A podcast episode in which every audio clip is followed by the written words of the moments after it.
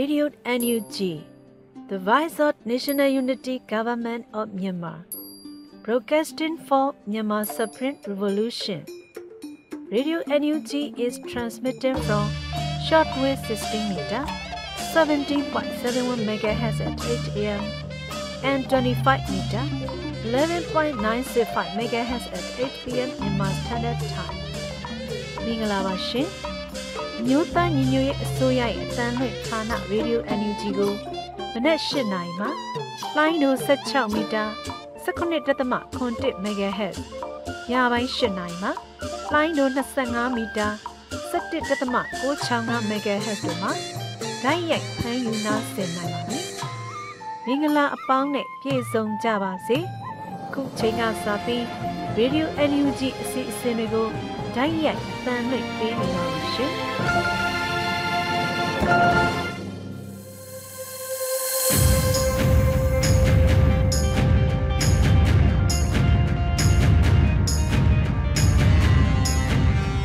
မင်္ဂလာနေ့လည်ခင်ပါခင်ဗျာသောတာရှင်များစိတ်ချမ်းသာလို့ပိုကျမ်းမာကြပါစေလို့ဗီဒီယိုအန်ယူဂျီဝိုင်းတော်သားများကိုစားကျွန်တော်လွတ်လပ်နေဦးကစုမုံကောင်းတောင်းလိုက်ပါတယ်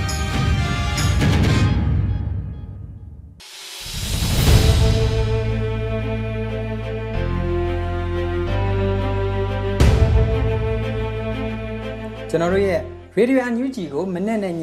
8နာရီအချိန်မှာဓာတ်ရိုက်ထုတ်လွှင့်နေရမှာအခုလိုနေ့ကင်းပိုင်းစီစဉ်များကိုလည်း Facebook စာမျက်နှာကတဆင့်အစီအစဉ်တိုးချဲ့ထုတ်လွှင့်နေပါတယ်။ဒီနေ့နိုဝင်ဘာလ14ရက်နေ့ကင်းပိုင်းမှာနားဆင်ရဖို့ရှိတာတွေကတော့နောက်ဆုံးရသတင်းများဖတ်ကြားခြင်းအစီအစဉ်ပြည်ပရောက်မြန်မာတွေရဲ့ຫນွေဦးတော်လန်ရေးရင်တွင်းစကားသံနောက်တစ်ခါစစ်ကောင်စီထိန်းချုပ်ကန်ကျောင်းနေစီသွားပြီး သားသမီးကိုကျောင်းမပို့နိုင်တဲ့မိဘတွေကိုအကြံပေးထားတဲ့ဤပညာနဲ့ပညာရေးအကြောင်းနောက်ဆုံးအနေနဲ့ကတော့အမုံသွေးနဲ့ကပီးထိုးတဲ့နေ့ဆိုတဲ့တော်လန်ရေးသစ္စာကိုနားဆင်ကြရမှာပဲဖြစ်ပါတယ်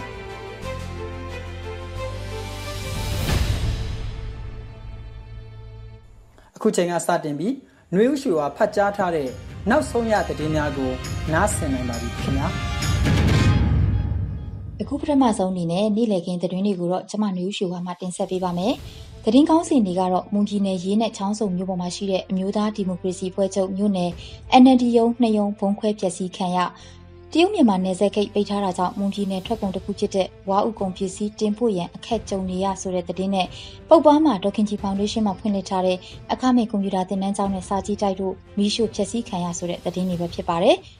ပထမဆုံးအနေနဲ့မွန်ပြည်နယ်ရေးနဲ့ချောင်းစုံမြို့ပေါ်မှာရှိတဲ့အမျိုးသားဒီမိုကရေစီပွဲချုပ်မြို့နယ် NLD ရုံးနှစ်ရုံးဘုံခွဲပျက်စီးခံရဆိုတဲ့သတင်းကိုတင်ဆက်ပေးပါမယ်။မွန်ပြည်နယ်ရေးနဲ့ချောင်းစုံမြို့ပေါ်မှာရှိတဲ့အမျိုးသားဒီမိုကရေစီပွဲချုပ်မြို့နယ် NLD ရုံးနှစ်ရုံးဟာ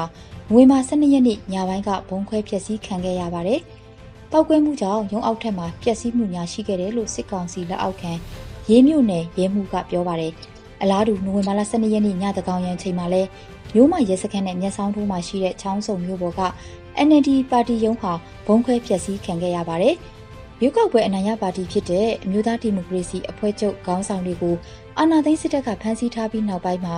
မွန်ပြည်နယ်မှာရှိတဲ့မော်လမြိုင်တထုံကြိုက်ထူဘီလင်းမြို့နယ်ရှိ NLD မြို့နယ်ရုံးများအော်တိုဘာလ23ရက်နေ့ကစပြီးတော့ပောက်ကွဲမှုများဇက်တိုက်ဖြစ်ပေါ်နေခဲ့တာပါ။ပောက်ကွဲမှုဖြစ်ချိန်ဟာစစ်ကောင်စီကထုတ်ထားတဲ့ပုံမှန်144ကြောင့် အများပြည်သူအပြင်းမထွက်ရတဲ့အချိန်ဖြစ်တယ်လို့လည်းသိရပါဗျ။အာနာသိန်းချိန်ကစလို့ NLD ပါတီရုံးတွေကိုတိုက်ခိုက်ခံရမှုပေါင်း46ကြိမ်အထိရှိခဲ့ပြီးဖြစ်တယ်လို့ NLD ပါတီဘက်ကပြောခွင့်ရပုဂ္ဂိုလ်ကနိုဝင်ဘာလ1ရက်နေ့ကထုတ်ဖော်ပြောကြားခဲ့ပါတယ်ရှင်။ဆက်လက်ပြီးတရုတ်မြန်မာနယ်စပ်ဂိတ်ပိတ်ထားတာကြောင့်မွန်ပြည်နယ်ထွက်ကုန်တစ်ခုဖြစ်တဲ့ဝါဥကုန်ပစ္စည်းတင်ပို့ဖို့အခက်ကြုံနေရဆိုတဲ့သတင်းကိုတင်ဆက်ပေးပါမယ်။တရုတ်နိုင်ငံကမြန်မာနိုင်ငံနဲ့နှစ်နိုင်ငံနယ်စပ်ကုန်သွယ်ရေးဂိတ်အားလုံးကို အော်တိုဘာလဆန်းပိုင်းကစပြီးတော့ပိတ်ထားတဲ့အတွက်ကြောင့်မွန်ပြည်နယ်ထွက်ဝါဥကုံတင်ပို့ဖို့အခက်အခဲတွေရှိနေတယ်လို့ဝါဥကုံတွေကပြောပါတယ်။တရုတ်နယ်စပ်ဂိတ်တွေပိတ်ထားတယ်လို့စိတ်ကမ်းတွေကတဆင့်တင်ပို့ကြိုးပမ်းတဲ့နေရာမှာလဲလန်ခရီးကြန့်ကြာတာနဲ့ကုန်ကြစရိတ်ကြီးမြင့်နေတာကိုရင်ဆိုင်နေစားရတာဖြစ်ပါတယ်။ဝါဥတွေတင်ပို့လို့မရတဲ့အတွက်ကြောင့်ဝါဥဈေးကွက်အယောင်းဝယ်အေးနေတယ်လို့တချို့ရက်တွေမှာဆိုရင်ဝါဥဈေးတောင်မဖွင့်နိုင်ခဲ့ကြဘူးလို့ဝါဥကုံတွေကပြောပါတယ်။မွန်ပြည်နယ်ရဲ့ဝါဥဈေးကွက်တွေမှာတော့ ဝါဥအဆိုတပိတ်တာကိုကျပ်တစ်ထောင်ဝန်းကျင်နဲ့ဝါဥအချောက်တပိတ်တာကိုကျပ်9000လောက်ပေါက်ဈေးရှိနေပေမဲ့ဝယ်လဲပြောင်းနေတာဖြစ်ပါတယ်။ရန်ကုန်စိတ်ကမ်းကနေစင်ကာပူကိုကွန်တိန်နာတွေနဲ့ပို့အဲ့ဒီကတဆင့်တရုတ်ဘက်ကိုပို့လို့ရပြီမဲ့လန်ခီးကအနည်းဆုံး2လလောက်ကြာနိုင်တယ်အဲ့ဒီအတွက်ကုန်ကြစရိတ်ကလည်းပိုတက်သွားနိုင်တယ်နောက်ပြီးလက်ရှိဗန်စနစ်နဲ့ငွေလွှဲငွေထုတ်ကခက်နေတော့ဘလို့မှအဆင်မပြေနိုင်ဘူးအဲ့ဒီအတွက်ကိုတခြားနိုင်ငံဈေးကွက်တွေကိုတော့လိုက်ရှာနေတယ်လို့လဲ ဝါဟုကုံတဲ့တဦးကဆိုပါတယ်မွန်ပြည်နယ်မှာတော့ဝါဟုကိုရေးတံဖြူစရဲ့ကြိုင်မရောမော်လမြိုင်ဘီလင်းနဲ့တထုံမြို့တွေမှာအဓိကစိုက်ပျိုးကြပြီးတော့နေ့စဉ်ဝါဟုပိတ်တာ9သိန်းကျော်ထွက်ရှိနေတာဖြစ်ပါတယ်ထွက်ရှိလာတဲ့ဝါဟုတွေကိုတော့တရုတ်နိုင်ငံကိုအဓိကထားတင်ဖို့ရောင်းချနေတာဖြစ်တယ်လို့လည်းသိရပါတယ်ရှင် ဆက်လက်ပြီးတင်ဆက်ပေးမှာကတော့မန္တလေးတိုင်းဒေသကြီးညောင်ဦးခရိုင်ကြောက်ပတောင်းမြို့နယ်ပုပ်ပားမြို့မှာဒေါကင်ချီဖောင်ဒေးရှင်းမှာဖွင့်လှစ်ထားတဲ့အခမဲ့ကွန်ပျူတာသင်တန်းကျောင်းနဲ့စာကြည့်တိုက်ကိုနိုဝင်ဘာလ12ရက်နေ့ညပိုင်းကမီးရှို့ဖျက်ဆီးခံခဲ့ရပါတယ်။မီးရှို့ဖျက်ဆီးခံခဲ့ရတာကြောင့်သင်တန်းကျောင်းနဲ့စာကြည့်တိုက်မှာရှိတဲ့ပြည်ပေါ်ကပစ္စည်းတွေစာရွက်စာတမ်းတွေစာအုပ်တွေအကုန်ပျက်စီးသွားခဲ့ပြီးတော့ညနေ9နာရီဝန်းကျင်မှာမီးစတင်ငိမ့်သက်ခဲ့ပါတယ်။ 6နိုင်ခန့်မှာတော့မီးညွန့်ကျိုးသွားခဲ့တယ်လို့ဒေသခံများကပြောပါတယ်။အခုလိုရွေးကောက်ပွဲအနိုင်ရပါတီရဲ့ပရိုက်တာလုပ်ငန်းဆောင်ရွက်တဲ့နေရာမှာအဆောက်အုံတွေအပါအဝင်မြို့နယ်အချို့မှာလည်း NLD ရုံးအဆောက်အုံတွေကိုပါအကြမ်းဖက်သမားအဖွဲ့တစုကရွေချက်ရှိရှိဖောက်ခွဲဖျက်ဆီးနေကြတာဖြစ်ပါတယ်။အာနာသိန်းစစ်တပ်က NLD ခေါင်းဆောင်တွေကိုဖမ်းဆီးပြီးမတရားပြစ်ဒဏ်တွေချမှတ်နေတဲ့အချိန်မှာအခုလိုတက်ဆိုင်ရာရုံးတွေကိုလိုက်လံဖျက်ဆီးပစ်နေတာဟာစစ်ကောင်စီလက်အောက်ခံပြူစောတိအဖွဲ့များလက်ချက်ဖြစ်နိုင်ကြောင်းဒေသခံတွေကမှတ်ချက်ပြုထားပါတယ်ရှင်။ ယခုဆက်လက်ပြီးအမျိုးသားညီညွတ်ရေးဝန်ကြီးဌာနကပြုလုပ်တဲ့ပညာဖြစ်ကျော်လန်မျိုးဦးရဲ့အောင်လန် Virtual Live ရိုးပွဲကြီးအောင်မြင်စွာကျင်းပနိုင်ခဲ့တဲ့တဲ့တင်ကိုတင်ဆက်ပေးပါမယ်။နိုဝင်ဘာလ23ရက်နေ့မြန်မာစံတော်ချိန်ည8:00နာရီမှာအမျိုးသားညီညွတ်ရေးဆိုရပညာရေးဝန်ကြီးဌာနကစီစဉ်တဲ့ပညာဖြစ်ကျော်လန်မျိုးဦးရဲ့အောင်လန်ဆိုတဲ့ Virtual Live ရိုးပွဲကြီးကိုအောင်မြင်စွာနဲ့ကျင်းပနိုင်ခဲ့ကြောင်းသိရပါတယ်။ ဒီပွဲမှာနေရာဒေသအသီးသီးမှာရောက်ရှိနေကြတဲ့အမှုပညာရှင်တွေကအွန်လိုင်းကနေတင်ဆက်ခဲ့တာဖြစ်ပြီးတော့မြန်မာနိုင်ငံအပါအဝင်တကမ္ဘာလုံးကမြန်မာတွေကအွန်လိုင်းကကြည့်ရှုအားပေးခဲ့တာပါအမျိုးသားညီညွတ်ရေးအစိုးရဆက်သွယ်ရေးသတင်းအချက်အလက်နဲ့ဤပညာဝန်ကြီးဌာနကဤပညာပိုင်းဆိုင်ရာတွေကိုအားဖြည့်ကူညီခဲ့ပါတယ် ဆက်သွယ်ရေးသတင်းချက်လက်နဲ့ဤပညာဝန်ကြီးဌာနရဲ့တရားဝင်အွန်လိုင်းရန်ပုံငွေရှာဖွေတဲ့ website ဖြစ်တဲ့ www.unitedhyz.com ကနေ online လက်မှတ်တွေရောင်းချပေးခြင်းနဲ့ဓာတ်ရိုက်ထုတ်လွှင့်ပြသမှုတွေကိုလည်းဆောင်ရွက်ပေးခဲ့ပါတယ်။ဒီပွဲမှာစာရေးပကြီးဆွဲတချင်းရေးတဲ့အပြင်88အရေးတော်ပုံကြီးကနေဒီကနေ့အထိတော်လှန်ရေးမှာတိုက်ပွဲဝင်နေဆဲဖြစ်တဲ့ကိုမင်းကိုနိုင်ကပါအဖြစ်ပါဝင်ပေးထားပါတယ်။နေပယ်အစုံကအမှုပညာရှင်တွေကပါဝင်ခဲ့တာလည်းဖြစ်ပါတယ်။ အဆိုတော်တွေထဲမှာတော့အာဇာနီချမ်းချမ်းမိုင်းမိုင်ဆန်မူလာနိုဗယ်2ဒေးဗစ်လိုင်းတို့အပြင်မီဇိုအဆိုတော်ရီဘက်ခါလည်းပါဝင်ကူညီထားပါတယ်။ installation ပြုလုပ်တင်ဆက်တဲ့ဆီယာမချော်ဤသိန်းဒေါအောင်ဆန်းစုကြည်ပုံတူပကြီးတွေရေးဆွဲတဲ့ဆီယာမနုညင်ကာတွန့်လက်ကုန်းအိမ်ကာတွန့်ဝရန်တောင်ကြီးတို့ကအားဖြည့်ကူညီခဲ့ပါတယ်။ဒါပြင်သွန်းနေဆိုဒေါင်ပန်ဆယ်လို ညနှင်းရီလွင်တို့လည်းပါဝင်ခဲ့ကြပြီးတော့အစီအစဉ်တင်ဆက်သူတွေဖြစ်ဒီဟာထွန်းနဲ့ညနိုးအီတို့ကဆောင်ရွက်ခဲ့ပါတယ်။ပွဲစဉ်တစ်လျှောက်လုံးမှာနောက်ခံတေးဂီတကိုတော့ DJ ဝိုင်းကကူညီအားဖြည့်ထားပါတယ်။ကျင်းပပြုလုပ်ခဲ့တဲ့ live ဖြိုးပွဲကြီးမှာတော့ပညာရေးဝန်ကြီးဌာနဒုဝန်ကြီးများဖြစ်ကြတဲ့ဒေါ်ဂျာထရမ်ပန်နဲ့ဒေါက်တာဆိုင်းခိုင်မျိုးထွန်းတို့ကအမှားစကားပြောကြပြီးတော့ဝန်ကြီးဒေါက်တာဇော်ဝေစိုးကအခမ်းအနားပြီးမှအပိတ်အမှားစကားပြောကြားခဲ့ပါတယ်ရှင်။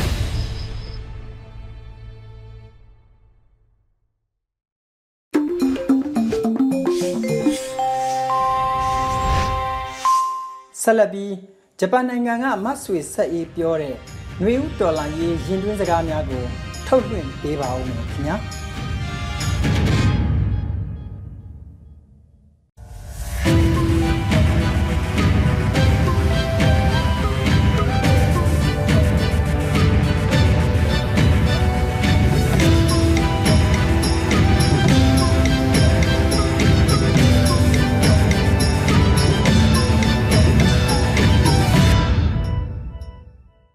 season လေးကတော့အကြောင်းအမျိုးမျိုးကြောင့်အမိမြင်နဲ့ဝေးကွာတဲ့အရက်မှာနေနေကြရပေမဲ့အရေးကိစ္စကြုံလာတဲ့အခါမှာရင်ထဲက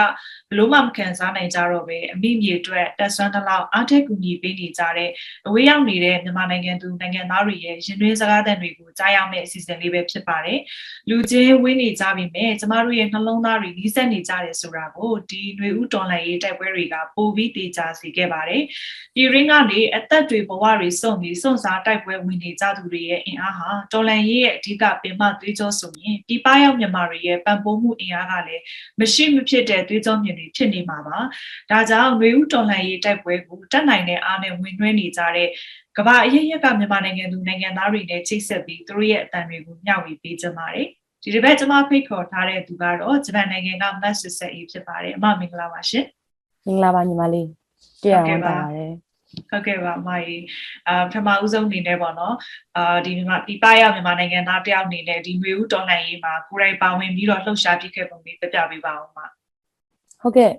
အဲညီအမကတော့လက်ရှိဂျပန်နိုင်ငံတိုကျိုမြို့မှာနေထိုင်ပါတယ်ဒီနှစ်လပိုင်းတရက်နေ့အာနာသိန်းတဲ့အဲအချိန်ကစပြီးတော့အဲဒီအာနာသိန်းမှုကအဲမတရားတဲ့အာနာသိန်းမှုအမတို့ဒီ2020ရွေးကောက်ပွဲကိုအဲမတရားဒီဟို ရွေးကောက်ပွဲရဲ့ရလက်ကပေါ့နော်ဒီတရားမဝင်မှုဆိုပြီးတော့ပြောပြီးတော့အဲတိုင်ပင်ခံတော်အောင်ဆန်းစုကြည်နဲ့တမန်တော်ကိုဖမ်းဆီးတဲ့အဲမတရားဖမ်းဆီးထားတယ်ပြီးလို့ရှိရင်အပြစ်မဲ့ပြည်သူတွေကိုအဲတပ်ဖြတ်တယ်ဖမ်းဆီးတယ်ပေါ့နော်ဒီလောက်ရက်တွေအကုန်လုံးကိုကြည်ပြီးတော့အဲပြပကနေပြီးတော့ဗားများကူညီပေးနိုင်မလဲပြီးတော့ဒီနယူးဒေါ်လာရင်းမှာတထောင်တနေရာနေဘယ်လိုအဖြစ်စင်မလဲဆိုတော့အဲရည်ရွယ်ချက်နဲ့အမကဒီဒေါ်လာရင်းမှာဝင်ရောက်ပြီးတော့ကိုတက်နိုင်တဲ့ဘက်ကနေပြီးတော့ အဲအဲလှုပ်စူးစမ်းပြီးတော့လှုပ်ဆောင်နေတဲ့လူတစ်ယောက်ဖြစ်ပါတယ်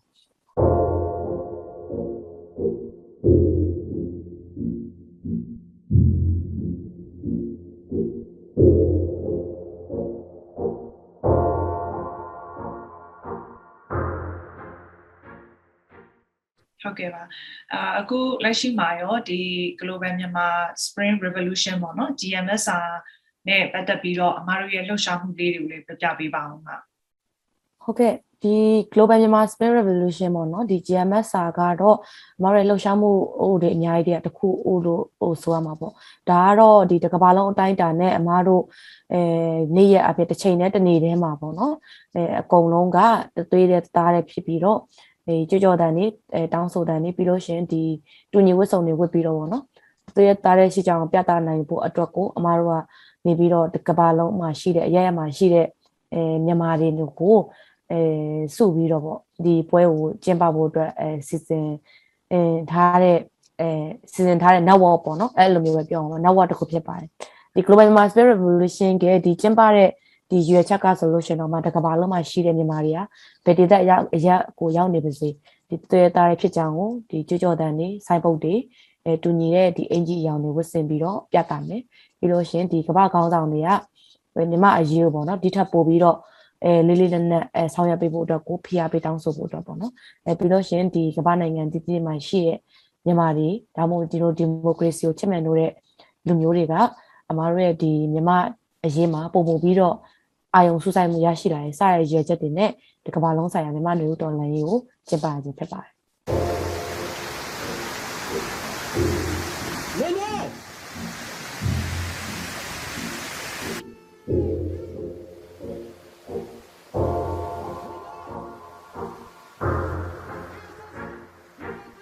ဒီတစ်ခါလှုပ်ရှားမှုကတော့ဒီစေအုပ်စုစီကိုစီစစ်နေတဲ့သွေးစွန်းငွေဖြတ်တောက်တဲ့လှုပ်ရှားမှုပေါ့ဆိုတော့ဒီသွေးစွန်းငွေဖြတ်တောက်တဲ့လှုပ်ရှားမှုဆိုတာဘာလဲပေါ့နော်အများပြည်သူတရားလေးရှင်းပြပေးပါအောင်ရှင်ဟုတ်ကဲ့အခုသေဆုံးငယ်စတိုရာကတော့ဒီမိမိတို့ရဲ့ပေါ့နော်ဒီအဲရောက်ရှိနေဒီနိုင်ငံအသီးသီးမှာရှိတဲ့အစိုးရတွေပေါ့နော်ဒီစစ်ကောင်စီတွေကိုငွေကြေးထောက်ပံ့နေတဲ့ကုမ္ပဏီတွေစက်ရုံတွေရှိတယ်ပေါ့ဒီစက်ရုံတွေကိုဟိုကိုတောင်းဆိုပြီးတော့အခုလက်ရှိစစ်ကောင်စီကပြည်သူတွေပေါ်မှာ အခုအချိန်အထိကိုအဲအကြမ်းမဲ့တပ်ဖြတ်နေတယ်ပြီးလို့ရှရင်သူတို့ဟိုရဲ့ဒီအင်အားဖြစ်စေမဲ့ငွေကြေးတွေပေါ့နော်ဒီဟာတွေအကုန်လုံးကပြည်သူတွေကိုတတ်မဲ့လက်နက်ဖြစ်လက်နက်တွေကိုဝယ်တဲ့ငွေကြေးတွေဖြစ်တယ်ပေါ့ဒါတွေကိုသိအောင်မတော်ဖော်ထုတ်တဲ့သဘောဖြစ်တယ်ပေါ့နော်အဲဒီဥစ္စာကိုငွေကြေးထောက်ပံ့မှုတွေကိုချက်ချင်းရက်တန်းရက်တန်းပြီးဖို့ဖြတ်တောက်ပြီးဖို့တောင်းဆိုမှာပေါ့နော်အဲပြီးလို့ရှရင်ဒီစစ်တပ်ပိုင်းဒီစီးပွားရေးလုပ်ငန်းတွေကိုလည်းပေါ့နော်အဲအနေနဲ့မြန် boycott လုပ်တာတို့ပြီးလို့ရှရင်ဒီအခုအချိန် ဒါထပ်ပို့ပြီးတော့ပေါ့နော်ဒီစစ်တပ်ကမြန်မာပြည်သူတွေကိုဒီထပ်ပို့ပြီးတော့အဲ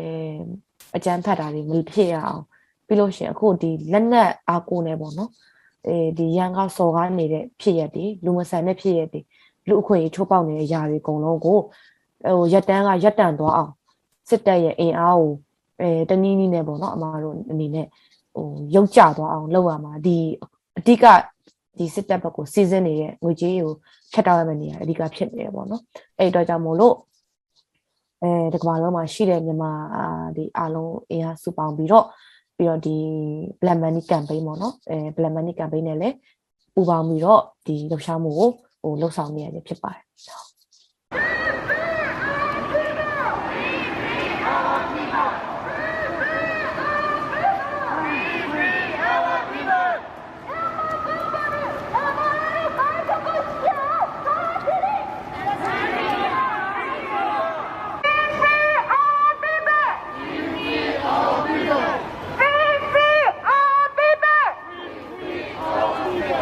မြန်မာကမ္ဘာနဲ့နဂိုရဲဘိုင်ကဘီတီကေတာတာချီဘီ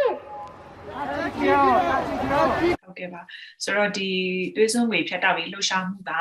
အာဒီကမ္ဘာလုံးဆိုင်ရာလှုပ်ရှားမှုဖြစ်တဲ့အခါကျတော့ဘယ်လိုမျိုးအာပူပေါင်းပါဝင်လို့ရမလဲမဒီလှုပ်ရှားမှုမှာဥပမာဒီလက်မှတ်ရေးထိုးပြီးတောင်းဆိုတဲ့ဟာမျိုးတွေလည်းရှိတယ်လို့ကြားရတယ်ပေါ့နော်ဆိုတော့ဒီအကြောင်းလေးလည်းပြပြပေးပါဦးမဟုတ်ကဲ့ဒီတစ်ခေါက်ကတော့ပေါ့နော်အမတို့ဒီကမ္ဘာလုံးဆိုင်ရာမြန်မာနေဒေါ်လာရေးကိုအဲပါဝင်ကြတဲ့မျိုးတွေကတော့များပါတယ်အဲနိုင်ငံတွေလည်းနိုင်ငံအဖြစ်လည်း22နိုင်ငံပေါ့နော်မြန်မာအပါဝင်ပေါ့မြန်မာနိုင်ငံပြည်တွင်းက အဲသူတွေကတော့အန်ရကြားကနေပြီးတော့ဒီဥစ္စာကိုကမ္ဘာကိုသိအောင်လို့အဲဖော်ထုတ်တဲ့လှုပ်ရှားမှုတွေမှာပါဝင်ပြီးတော့လှုပ်ရှားနေကြတယ်ပေါ့နော်အဲပြီးလို့ရှရင်ဒီအခုဟိုရောက်တဲ့ရောက်ရအရက်မှာပေါ့နော်ဒီ global အဲမြန်မာ spirit revolution လှုပ်ရှားမှုကိုဟိုပူပေါင်းပါဝင်နိုင်တယ်ပေါ့နော်ဒါပေမဲ့ဟိုတခုရှိတာကအခုလောလောဆယ်လက်ရှိအဲတခြားနိုင်ငံတွေမှာဆိုလို့ရှိရင်လည်းဒီကိုရိုနာဗိုင်းရပ်စ်ကတိတ်ပြီးတော့ဟိုနည်းနည်းလေးဒီ ပြန့်ပွားတဲ့နေရာမှာပေါ့နော်နည်းနည်းလေးများနေတဲ့နေရာတွေပါဆိုလို့ရှိရင်ပွဲတွေပါမလုပ်နိုင်တာရှိတော့အမားတို့ဒီ global Myanmar spirit revolution page ပြီးလို့ရှိရင်ဒီ black money campaign page ကနေပြီးတော့လည်းဒီသွေးစင်းဝင်ညာစီစဉ်ရေးကိုဖြတ်တောက်ရေးပေါ့နော်ဒီဥစ္စာကိုဟို campaign တွေလုပ်နေပါတယ်ပြီးလို့ရှိရင်ဒီအဲအမတို့ဒီ Chevron Total Chevron Bosco ဒီလိုမျိုးဒီစစ်တပ်ကိုပေါ့နော်အဓိကစဉ်းစင်းနေတဲ့အဲငွေကြေးတွေရေနံကုမ္ပဏီတွေရောလည်းအမတို့လက်မှတ်ထိုးရေးထိုးပြီးတော့အဲပါဝင်နိုင်အောင်လို့ potential တွေလုပ်ထားတယ်ပေါ့နော်အဲ့ဒီနေရာမှာ ဟိုအဲ့တိုက်အားတိုက်ပါဝင်ပြီးတော့လက်မှတ်ရေးထိုးပေးဖို့အတွက်အမကနေပြီးတော့တောင်းဆိုချင်ပါတယ်ပေါ့ဟုတ်ထန်တလန်ကပြည်သူများအာတိတာအာတိတာနေလို့အတွက်ငါးလို့ရှိရဲ့နေလို့အတွက်ငါးလို့ရှိရဲ့ထန်တလန်ကပြည်သူများအာတိတာအာတိတာထန်တလန်ကပြည်သူများအာတိတာအာတိတာနေလို့အတွက်ငါးလို့ရှိရဲ့နေလို့အတွက်ငါးလို့ရှိရဲ့နေလို့အတွက်ငါးလို့ရှိရဲ့နေလို့အတွက်ငါးလို့ရှိရဲ့အားလုံးကျေးဇူးတင်ပါတယ် ဟုတ်ကဲ့ပါအဲ့တော့ဒီကိုကိုရိုင်ကရောပေါ့နော်အရင်ကဒီလိုမျိုးအဲနိုင်ငံရေးလှုပ်ရှားမှုတွေမှာပါဝင်ဘူးလားအအခုဒီຫນွေဦးတော်လှန်ရေးမှာကိုအနေနဲ့ဒီလိုတက်တက်ကြွကြွပါဝင်ဖြစ်ခဲ့တဲ့အာအဓိကဒီလိုကိုယ့်ရဲ့စိတ်ကိုမခံချင်တဲ့စိတ်ဖြစ်လာစေတာဘယ်လိုအကြောင်းတွေကြောင့်ဖြစ်မယ်လို့ထင်လဲမ ဟုတ်ကဲ့အဲຫນွေဥတော်လန်ရေးကတော့အမားတို့ဒီဟိုကိုယ်တိုင်ကြုံတွေ့ပြီးတော့ပေါ့နော်ဒီမျက် ဟိုမျက်စိရှေ့မှာလည်းဒီမှာအင်တာနက်တွေ Facebook တွေကနေကြည့်ပြီးတော့ဟိုတေချာတနိုင်ငံလုံးတစ်ကမ္ဘာလုံးအတိုင်းအတာပါဝင်တာတော့ဒါကတော့ပထမဆုံးပေါ့နော်အဲဒီအခုနှစ်လပိုင်းကနေစပြီးတော့မ3လပိုင်း4လပိုင်းတောက်လျှောက်ဒီအခုအကြမ်းဖက်စစ်တပ်ကနေပြီးတော့ပြည်သူတွေကိုအကြမ်းဖက်တပ်ဖြတ်တာတွေပြီးလို့ရှိရင်အပြစ်မဲ့ပြည်သူတွေပေါ့နော်ကိုဖန်ဆီးထားတာတွေဒါတွေကိုဟိုဒါတွေကလုံးဝဖြစ်တဲ့အရာမဟုတ်ဘူးပေါ့နော်ပြည်သူတွေကိုမလေးစားတာပြည်သူစံနာကိုဟို မလေးစားတဲ့အစိုးရပြည်သူရဲ့အတန်ကိုနားမထောင်တဲ့အစိုးရလို့ပဲအမကတော့တတ်မှတ်တယ်ပေါ့နော်အဲ့တော့ဒီလိုမျိုးဒီစစ်အာဏာရှင်အဓိကအားဖြင့်တော့ဟိုစနစ်ကိုပေါ့နော်စနစ်ကိုအမတို့ရဲ့ဒီခင်မှာလဲလုံးဝဖြတ်သိမ်းမယ်ဆိုပြီးတော့ရွယ်ထားပြီးတော့မှဒီတော်လိုင်းမှာအဲလှုပ်ရှားပါဝင်ဖြစ်ပါတယ်ပေါ့နော်အဓိကကတော့ဒီတော်လိုင်းရေးကမှ generation Z အမားတို့လိုမျိုးဆက်အတေကအဓိကပြည်တွင်းမှာလည်းအဓိကပူးပေါင်းပြီးတော့ပါဝင်လှုပ်ရှားနေတဲ့အတွက်ပြပရောက်နေပေမဲ့လည်း တထောင်တဒါတအားနေပေါ့နော်ပြန်လဲပြီးတော့ဒီຫນွေဥတော်လိုင်းရေးမှာအဲပါဝင်ပြီးတော့ပေါ့နော်အဲလှုပ်ရှားခြင်းဖြစ်ပါတယ်ပြည်တွင်းကလူတွေအသက်ပေးထားခဲ့ရတဲ့လူတွေအခုအချိန်ထိဘဝတွေဆုံးရှုံးခဲ့ရတဲ့လူတွေနဲ့ဆိုင်တော့အမားတို့လုပ်တဲ့အရာတွေကဘာမှမဟုတ်ပါဘူးဒါပေမဲ့လည်းတခုဟိုမြုံမုံတမုံဆန်တမုံတမုံစာလောက်ဖြစ်ဖြစ်အင်အားဖြစ်တယ်ဆိုရင်တော့အမတို့ဒီတော်လိုင်းမှာပါဝင်ရတာပါဝင်ရကြုံနဲ့တယ်ပေါ့နော်အဲ့ဒါတွေကိုအဓိက ဟိုစိတ်နဲ့ပဲပြီးတော့ဒီနွေဦးတော်လည်းရအောင်အောင်မယ်ဆိုတဲ့စိတ်နဲ့ပဲအမတို့ရှေ့ဆက်ပြီးတော့လုပ်နေရဖြစ်ပါတယ်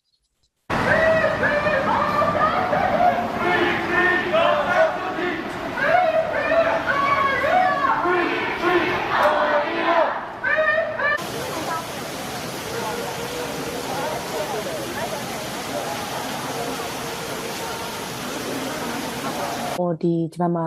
ဒီရောက်နေတဲ့ အဲဂျပန်နိုင်ငံထဲမှာလည်းတိုကျိုတဲ့မှာတာမကပေါ့နော်တခြားဒီမြို့တွေမှာရှိနေမြန်မာတွေဆိုလဲအဲကိုယ့်ရဲ့အားလည်းရစနေတနေကိုနေကိုတော့မှဟိုအချိန်မယူဘဲနဲ့ပေါ့နော်ဒီအခုလက်ရှိဒီတော့လေဒေါ်လာရေးမှာအဲပါဟိုလိုအပ်နေတဲ့ငွေကြေးအခက်အခဲတွေပြီးလို့ရှရင်ဒီအမတို့စစ်စစ်တွေဖြစ်ပြီးတော့စစ်ပေးရှောင်နေရတဲ့ပြည်သူတွေအတွက်ကိုပေါ့နော်စနေတနေကိုနေမှာအဲအမတို့အလူကန်ထွက်တာလို့ပြီးလို့ရှရင်ဒီမြန်မာအကြောင်းပို့ပြီးတော့သိအောင်လို့ပေါ့နော်အဲအမတို့ဒီ တေချာရေးထားတဲ့ pamphlet တွေဝေပြီးတော့လုပ်တာတော့ဒီလှူရှားမှုတွေကိုအဲအခုဒီအာနာသိန်းတွေကစပြီးတော့ပေါ့နော်အမတို့ dog shot အခုဒီနေ့ဒီချိန်ဒီဟိုလှုပ်လာခဲ့ချတယ်ပေါ့နော်ဒါကတော့အမတို့ကတော့ပြပမှာရောက်နေတဲ့အတွက်ကြောင့်မလို့ဒီတော်လန်ရေးမှာလုတ်ပေးနိုင်တာငွေကြေးအင်အားတစ်ခုပဲရှိရလို့အမကတော့ယူဆရပေါ့နော်ပြီးလို့ရှိရင်ဒီစိတ်တက်ခွန်အားတွေပေါ့နော်ဟိုပြည်တွင်းရလူတွေစိတ်တက်မကြစေဖို့စိတ်တက်ခွန်အားတွေပြီးလို့ရှိရင်ပို့ပြီးတော့ဒီမျိုးတော်လန်ရေးမှာလဲ ဒီထပ်ပို့ပြီးတော့နော်ပြည်သူတွေပါဝင်လာနိုင်အောင်လို့စိတ်တက်ခွန်အားတွေပြီးလို့ရှိရင်ဒီငွေငွေကြေးအလူငွေတွေပေါ့နော်အဲ NUG CR page ကိုလည်းဓာတ်ရိုက်အဲထောက်ပံ့တဲ့ထောက်ပံ့ငွေတွေပေါ့နော်ဒီငွေတွေကိုမတို့အဲဂျပန်ပြည်သူတွေစီကနေပြီးတော့ကောက်ခံရရှိတဲ့ငွေတွေကိုပေါ့အဲဆိုင်ရာဆိုင်ရာဝင်ကြီးကနေတစ်စစ်အဲဒီထောက်ပံ့ပြီးတော့ပေါ့နော်အဲအဲ့ဒီလိုမျိုးလှုပ်ရှားမှုတွေကိုတော့အခုချိန်ဒီဇက်တိုက်အဲလှုပ်ဆောင်လာခဲ့တယ်ပေါ့နော်ဟုတ်ဟုတ်ကဲ့ပါ ဆိုတော့ဒီ GMS ရဲ့လေတခြားဒီຫນွေဥတော်လှန်ရေးနဲ့ပတ်သက်တဲ့လှုပ်ရှားမှုတွေရောအမဘယ်လိုမျိုးလေးတွေရှိလဲမှာမလာစေပတ်စံလှုပ်ရှားမှုလေးပေါ့နော်ဒါလေးလည်းပြပြပေးပါအောင်ပါကဲ GMS စာကတော့ပုံမှန်ဒီကမ္ဘာလုံးဆိုင်ရာဒီလှုပ်ရှားမှုအနေနဲ့ကတော့တစ်လကိုတစ်ကြိမ်ဆိုပြီးတော့သတ်မှတ်ထားတယ်ပေါ့နော်ဒီမှာတကမ္ဘာလုံးမှာရှိတဲ့မြန်မာတွေဒီမြန်မာနိုင်ငံမှာအပါဝင်ပေါ့နော်အဲမျိုးတော်လည်းမှာကျိုးပန်းတဲ့မြန်မာတွေစိတ်ဓာတ်မကြသွားစေဘူးတွေးမအေးသွားစေဖို့အဲစတဲ့ရည်ချက်တွေနဲ့ တစ်လမှာတစ်ခါတော့အလုပ်ဖြစ်တယ်ပေါ့နော်ဒီလိုတစ်လမှာတစ်ခါလုပ်ဖြစ်တဲ့အချိန်မှာလည်းဒီလိုမျိုးဒီ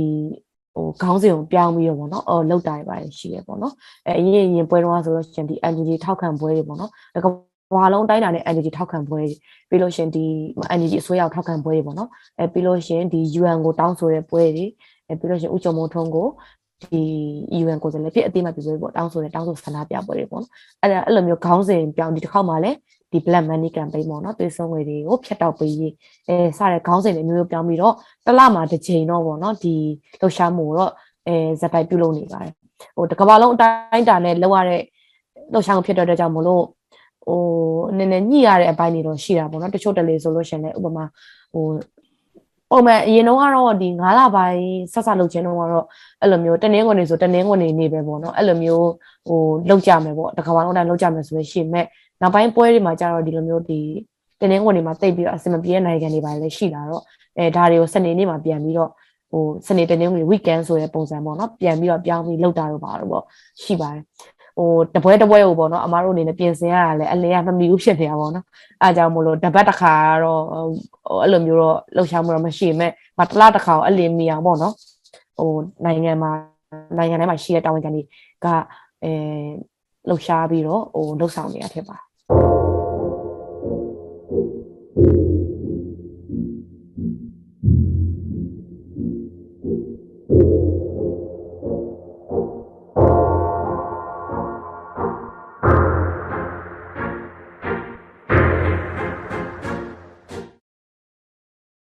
အခုဒီတွေးဆုံးလေဖြတ်တောက်ရေးဆိုပြီးတော့လေပြည်ရင်းထဲမှာလည်းဒီဆန္ဒပြပွဲ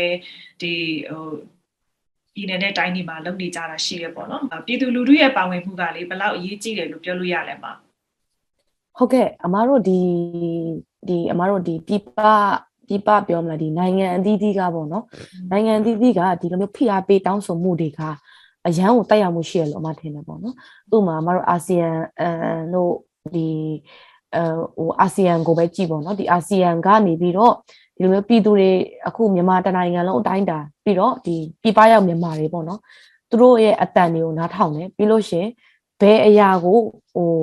ဦးစားပေးပြီးတော့တောင်းဆိုနေတယ်ဆိုတဲ့အရာပေါ့နော်ပြီးလို့ရှိရင်အမတို့အခုတစ်ခေါက်ဒီရေနံနဲ့အဲသဘာဝတံငွေကုမ္ပဏီတွေကုမ္ပဏီတွေကတော့အဓိကအဖြစ်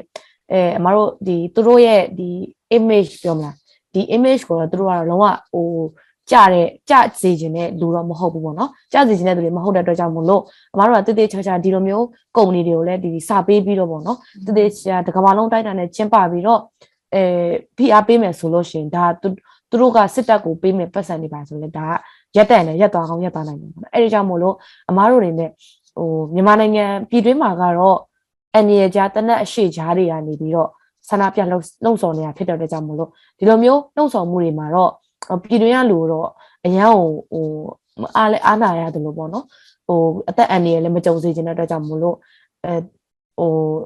ပြပရောက်မြန်မာတွေကိုအဓိကအမအားကိုးပြီးတော့ဒီလိုမျိုးလှုပ်ဆောင်မှုတွေမှာပေါ့နော်ဟိုတက်တက်ကြွကြွပါဝင်ပြီးတော့အဲလှုပ်ဆော်ပေးစေခြင်းနဲ့ပြီးတော့ရှင်ဆန္ဒတွေထုတ်ပေါ်ပေးစေခြင်းလို့အမကတော့ထင်ပါတယ်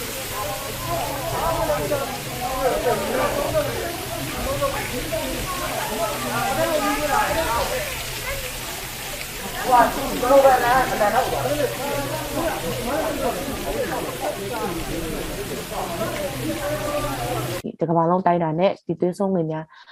အဲ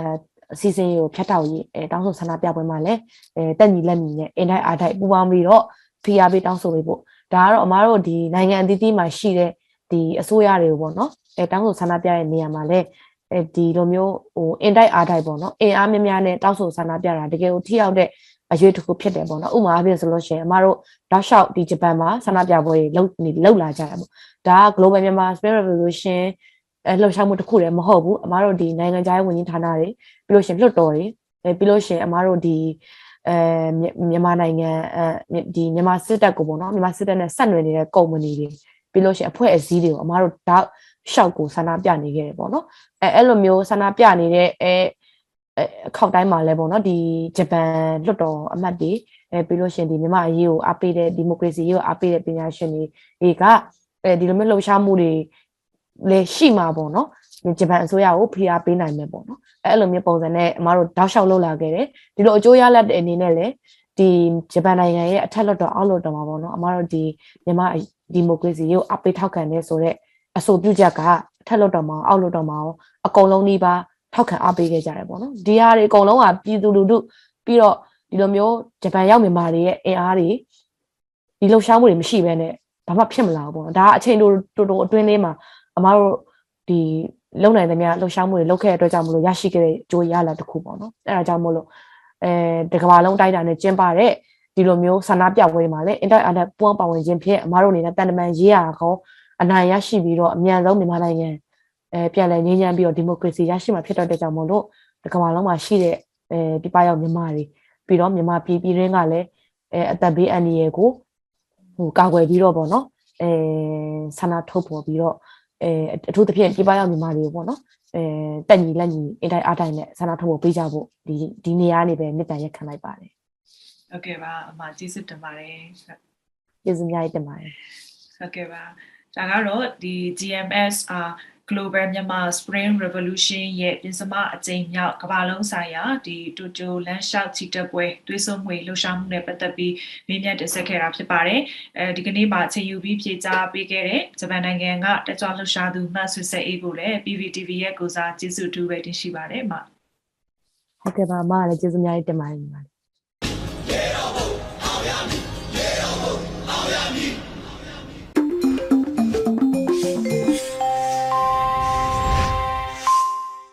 တောတာရှင်များခင်ဗျာအာနာသိန်းစစ်ကောင်စီထိန်းချုပ်ခံကျောင်းတွေစီကိုသားသမီးကိုလွှတ်ပြီးအန်ဒီယာကြားအတန်းတက်ရဖို့စွန့်စားနေမဲ့အစားခိမိကရိယာပေါ်များတဲ့ဤပညာခေတ်ကြီးထဲမှာမိမိတို့သားသမီးကိုဘယ်လိုပညာသင်ယူစေတင့်တယ်ဆိုတာကိုတော်လိုင်းဤပညာကဏ္ဍအနေနဲ့တင်ဆက်ပေးလိုက်ပါတယ်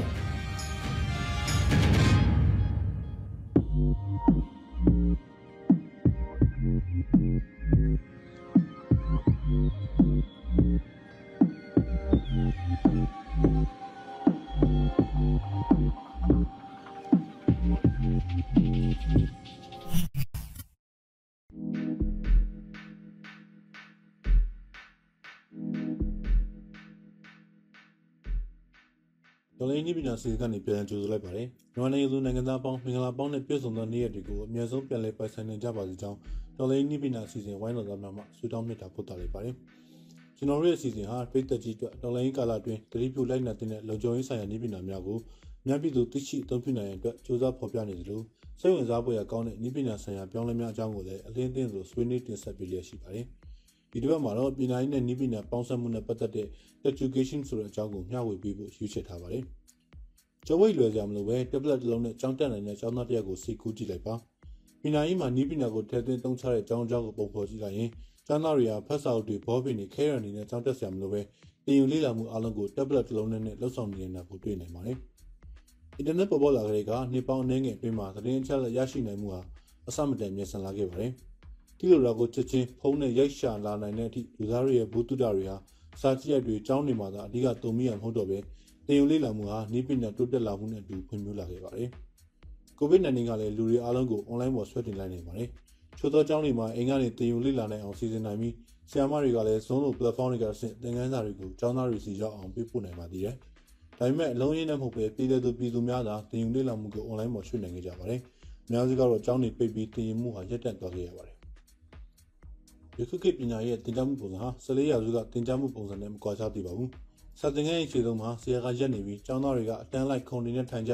ပတ်စော်တီဖွင့်ထားပြီးဆရာပြောတာကိုသာလက်ကမ်းယူတင်ကြားမှုပုံစံမျိုးနဲ့လေ့လာကြတာဟာနှစ်ပေါင်းများစွာကြာအောင်ပြောင်းလဲလာသေးပါဘူး။အင်တာနက်ဟာအကြောင်းဖြစ်လာတဲ့အခါပညာရေးကိုပြန်စဉ်းစားဖို့လိုလာပါပြီ။ဖတ်စောက်ထဲမှာပုံမြင်တစ်ပုဒ်တင်နေရတဲ့အချိန်မှာအင်တာနက်ပေါ်ကရုပ်ရှင်ဆဲကားကိုကြည့်နေနိုင်တဲ့ကာလရောက်လာတဲ့အခါတင်ကြားမှုပုံစံဟာလက်ဆင့်ကဲတင်ကြားမှုထက်လေ့လာရေးလမ်းပြမှုသာလုပ်ဖို့လိုတော့တာမျိုးလည်းဖြစ်နိုင်ပါတယ်။ဒီတော့ကြောင့်သင်ခန်းစာတွေဟာကျောင်းနေရာနေအတွင်းမှာသာရှိတော့တာမဟုတ်ပဲ website တွေ application တွေအနေနဲ့ online ပေါ်ကိုရောက်လာဖို့လိုအပ်လာပါပြီ။ပညာရေးကိုနီးပညာပေါင်းစပ်ရေးဟာတိုင်းပြည်ပြန်လည်ထူထောင်ရေးကာလမှာမဖြစ်မနေပူးတွဲအကောင့်ထဲပေါ်သွားရမယ့်ကိစ္စဖြစ်ပါတယ်။ပညာရေးနဲ့နီးပညာပေါင်းစပ်ရေးဟာကျောင်းသားတွေရဲ့သင်ယူလေ့လာမှု online ပေါ်သို့ရောက်လာမှုသင်ခန်းစာများအလွယ်တကူရယူနိုင်မှုဆရာဆရာမများဟာ online ပေါ်မှာသင်ကြားပြသမှုအပြင်ကျောင်းသားကျောင်းသူတွေရဲ့လေ့လာမှု activity တွေကိုစစ်စစ်ပြီးပုံမကောင်းမွန်သောသင်ကြားမှုပုံစံကိုပြောင်းလဲနိုင်မှုကျောင်းသားများရောဆရာများပါ online သင်ကြားမှုအတွက်သင်ထောက်ကူပစ္စည်းလောကမှုအင်တာနက်ကိုလက်လန်းမိနိုင်မှုစသဖြင့်လှုပ်ဆောင်စရာများစွာရှိပါတယ်။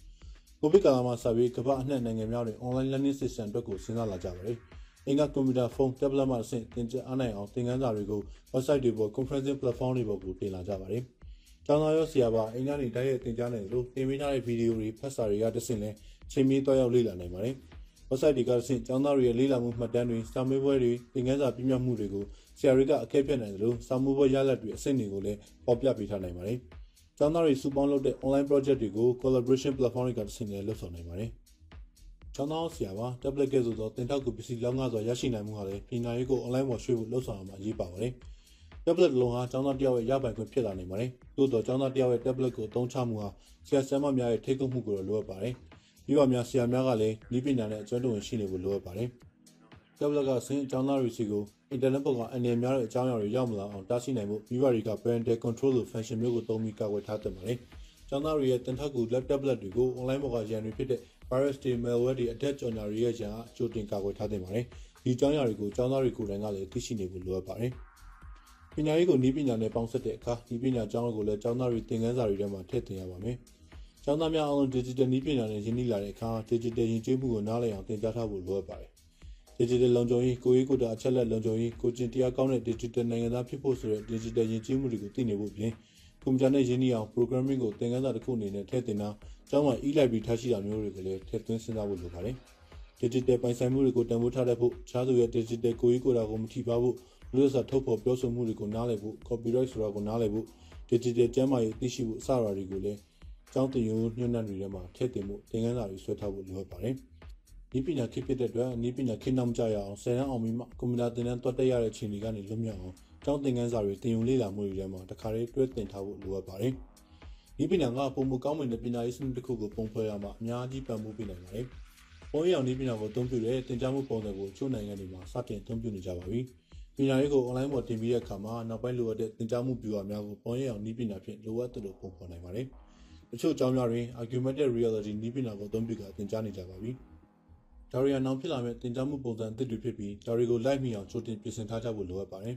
။ COVID-19 ရောစစ်ကောင်စီရဲ့အာဏာသိမ်းမှုကြောင့်မှနောက်ကျသွားခဲ့ရတဲ့မြန်မာနိုင်ငံရဲ့ပညာရေးဟာ federaluniversity.org လို့ online တက္ကသိုလ်တွေများများပေါ်ပေါ်လာနိုင်ရင်တော့ကျောင်းသားတွေလည်းကျောင်းနဲ့မွေးရတော့ဘူးပေါ့။ online ကနေတက်ရတဲ့သင်တန်းတွေဟာ COVID ကာလမှာများစွာပေါ်ပေါ်လာခဲ့ပေမဲ့ပညာရေးစနစ်တစ်ခုလုံးကို online ပေါ်ရောက်လာဖို့တော့ဖြစ်လာသေးပါဘူး။ COVID ကိုကျော်လွန်နိုင်ပြီးရေတော်ပုံလာအောင်မြင်ပြီးလို့ကျောင်းများတက္ကသိုလ်များပြန်ဖွင့်တဲ့အခါမှာလည်း ဒီပညာကိုပုံမထက်သွင်းအသုံးပြုလာတဲ့ပညာရေးစနစ်တစ်ခုကိုအကောင့်တွေပေါ်နိုင်ရင်တော့တင်ယူလေ့လာမှုမြန်ဆန်မှုဆရာဆရာမနဲ့စာကြည့်ရမှာသာဒီပညာမတုံပြီးတော့ပဲချိန်နဲ့တပြေးညီပြောင်းလဲလာနိုင်တဲ့ပညာရေးစနစ်တစ်ခုကိုရရှိနိုင်မယ်လို့မျှော်လင့်ရပါတယ်။ဒီပညာနဲ့ပုံမကောင်းမွန်သောပညာရေးစနစ်တစ်ခုကိုဖော်ဆောင်ကြဖို့တိုက်တွန်းရင်းနဲ့ကျွန်တော်တို့ရဲ့တော်လိုင်းနည်းပညာအစီအစဉ်လေးကိုရန်နာခွင့်ပြုပါခင်ဗျာ။နောက်ပတ်များမှာလည်းကျွန်တော်တို့ရဲ့တော်လိုင်းနည်းပညာစီစဉ်ကနေဘလို့အကြောင်းအရာတွေကိုဆက်လက်တင်ဆက်ပေးသွားအောင်လဲဆိုတာစောင့်မျှော်ကြည့်ရှုပေးကြပါဦးခင်ဗျာ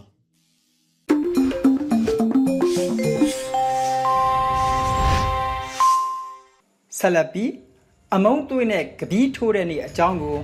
နေကင်းပိုင်းအစီအစဉ်ရဲ့နောက်ဆုံးကဏ္ဍအနေနဲ့နားဆင်ရင်မြန်မာနိုင်ငံသူနိုင်ငံသားအားလုံးမျှော်လင့်တဲ့စစ်အာဏာရှင်ကင်းစင်သောပြည်ထောင်စုတည်စီကို အရောက်လှမ်းနိုင်ကြပါစီခင်ဗျာအာငါသားပြေသွားတာဟုတ်ဟုတ်ကိုငါသားပြေသွားတာအာအာအမုန်းသွေးနဲ့ကပီးထိုးရနေငါသားလေးတည်သွားတာ ငါသားလေးတည်သွားတာ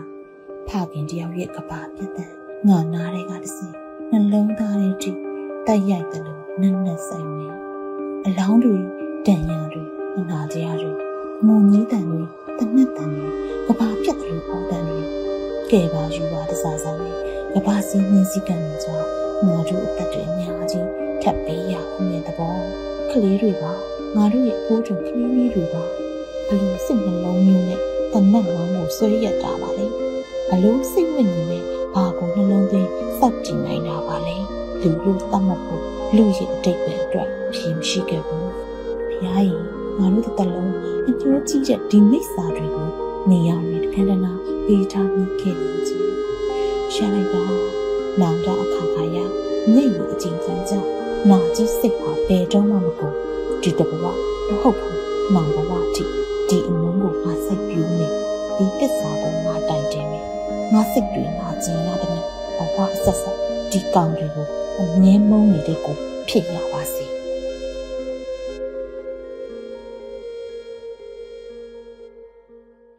ဒီကနေ့တော့ဒီညနေပဲ Radio NUG ရဲ့အစီအစဉ်တွေကိုခਿੱတရနာလိုက်ပါမယ်မြန်မာစံတော်ချိန်မနေ့၈နာရီနဲ့ညနေ၈နာရီအချိန်တွေမှာပြန်လည်ဆုံတွေ့ကြပါစို့ Radio NUG ကိုမနေ့၈နာရီမှာလိုင်းဒို16မီတာ19.7 MHz ညပိုင်း၈နာရီမှာလိုင်းဒို25မီတာ17.65 MHz တို့မှာဓာတ်ရိုက်ဖမ်းယူနာဆင်နိုင်ပါပြီမြန်မာနိုင်ငံသူနိုင်ငံသားများကိုယ်စိတ်နှဖျားချမ်းမာချမ်းသာလို့ဘေးကင်းလုံခြုံကြပါစေလို့ Radio NUG ဖွဲ့သူဖွဲ့သားများကဆုတောင်းလိုက်ရပါတယ်။မြို့သားညီညွတ်ရေးအစိုးရရဲ့ စက်သွယ်ရေးသတင်းအချက်အလက်နဲ့ဤပညာဝန်ကြီးဌာနကထုတ်လွှင့်နေတဲ့ Radio NUG ဖြစ်ပါတယ်။ San Francisco Bay Area အခြေစိုက်မြန်မာမိသားစုများနဲ့နိုင်ငံတကာကစေတနာရှင်များလုံအားပေးများရဲ့ Radio NUG ဖြစ်ပါတယ်။ရှေးတော်ပုံအောင်ရမည်